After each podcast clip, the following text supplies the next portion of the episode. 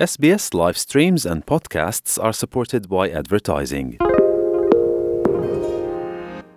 شما با پروگرام دری رادیوی SBS هستید. تقریبا یک هزار استرالیایی پس از ابتلا به ویروس انفلوئنزا در طول فصل بی سابقه این بیماری در سال 2019 جانهای خود را از دست دادند.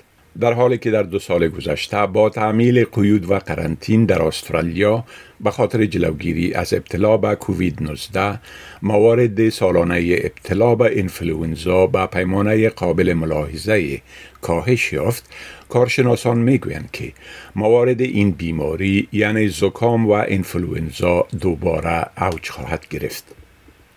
در حالی که سرحدات کشور برای مسافرین بین المللی گشوده می شوند، دکتران برای برگشت بیماری زکام آمادگی می گیرند. پروفیسر ایان بار متخصص انفلوئنزا در ویکتوریا می گوید سوال این است که این بیماری چقدر شدید خواهد بود و پیش بینی کردن در حال حاضر در این مورد مشکل است. I think uh, 2022 we will see the return of influenza. It's almost been absent in 2021. So the only question is how severe the season will be. And that's difficult to judge, but you know, I, I don't think we're going to have a big year like 2017 or 2019. But we will see a, a low to moderate year, I think, in, in my opinion. قرنطین سخت کووید و بسته بودن مرزهای استرالیا شیوع انفلوئنزا را در دو سال گذشته به شدت کاهش داده است. سال 2019 یک سال بی سابقه از نظر ابتلا به زکام یا انفلوئنزا بود. چنانچه در آن سال در استرالیا 313 هزار مورد ابتلا به انفلوئنزا و 953 مرگ ناشی از آن ثبت شد. در حالی که در سال 2020 شمار مبتلایان به آن صرف 21 هزار نفر بود و 37 نفر در اثر آن جانهایشان را از دست دادند. و اما در سال 2021 با اعمال کامل قرنطین تنها 598 مورد انفلوئنزا تایید شد و هیچ مرگی را باعث نگردید. آزمایشگاه بیماری های ساری ویکتوریا انواع مختلف ویروس های انفلوئنزای جمعآوری شده از استرالیا، نیوزیلند و کشورهای دیگر را مطالعه می کند.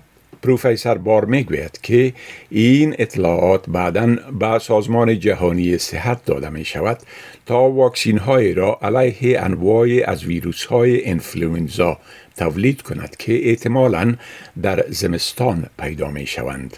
And that involves isolating viruses, growing viruses in eggs or in cells, and then purifying the virus and inactivating the virus. We make decisions around six to nine months before uh, the, the viruses actually circulate and make those available to manufacturers who then scale up production and make those vaccines. وقایع طبیعی مردم در مقابل انفلوئنزا به علت اینکه در دو سال گذشته به طور منظم در معرض این ویروس قرار نگرفته ضعیف شده است.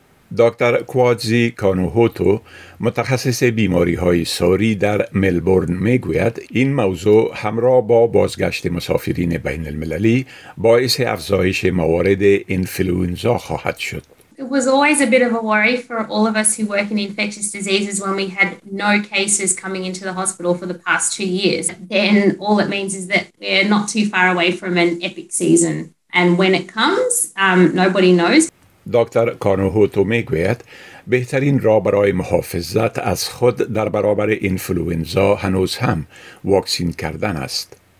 واکسین انفلوئنزای امسال به بعضی از دکتران عمومی و دواخانه ها فرستاده می شود. اما دانیل مکمولن دکتر عمومی در سیدنی پیشنهاد می کند که در صورت امکان تا اواخر اپریل صبر کنید تا بهترین محافظت را در ماهای زمستان حاصل نمایید. But our medical advice is that timing of vaccine starting from kind of end of April uh, tends to give you the best coverage through our predicted flu season. It's not one where you need to rush out today and have it. Um, we'd probably recommend having that kind of mid to late April.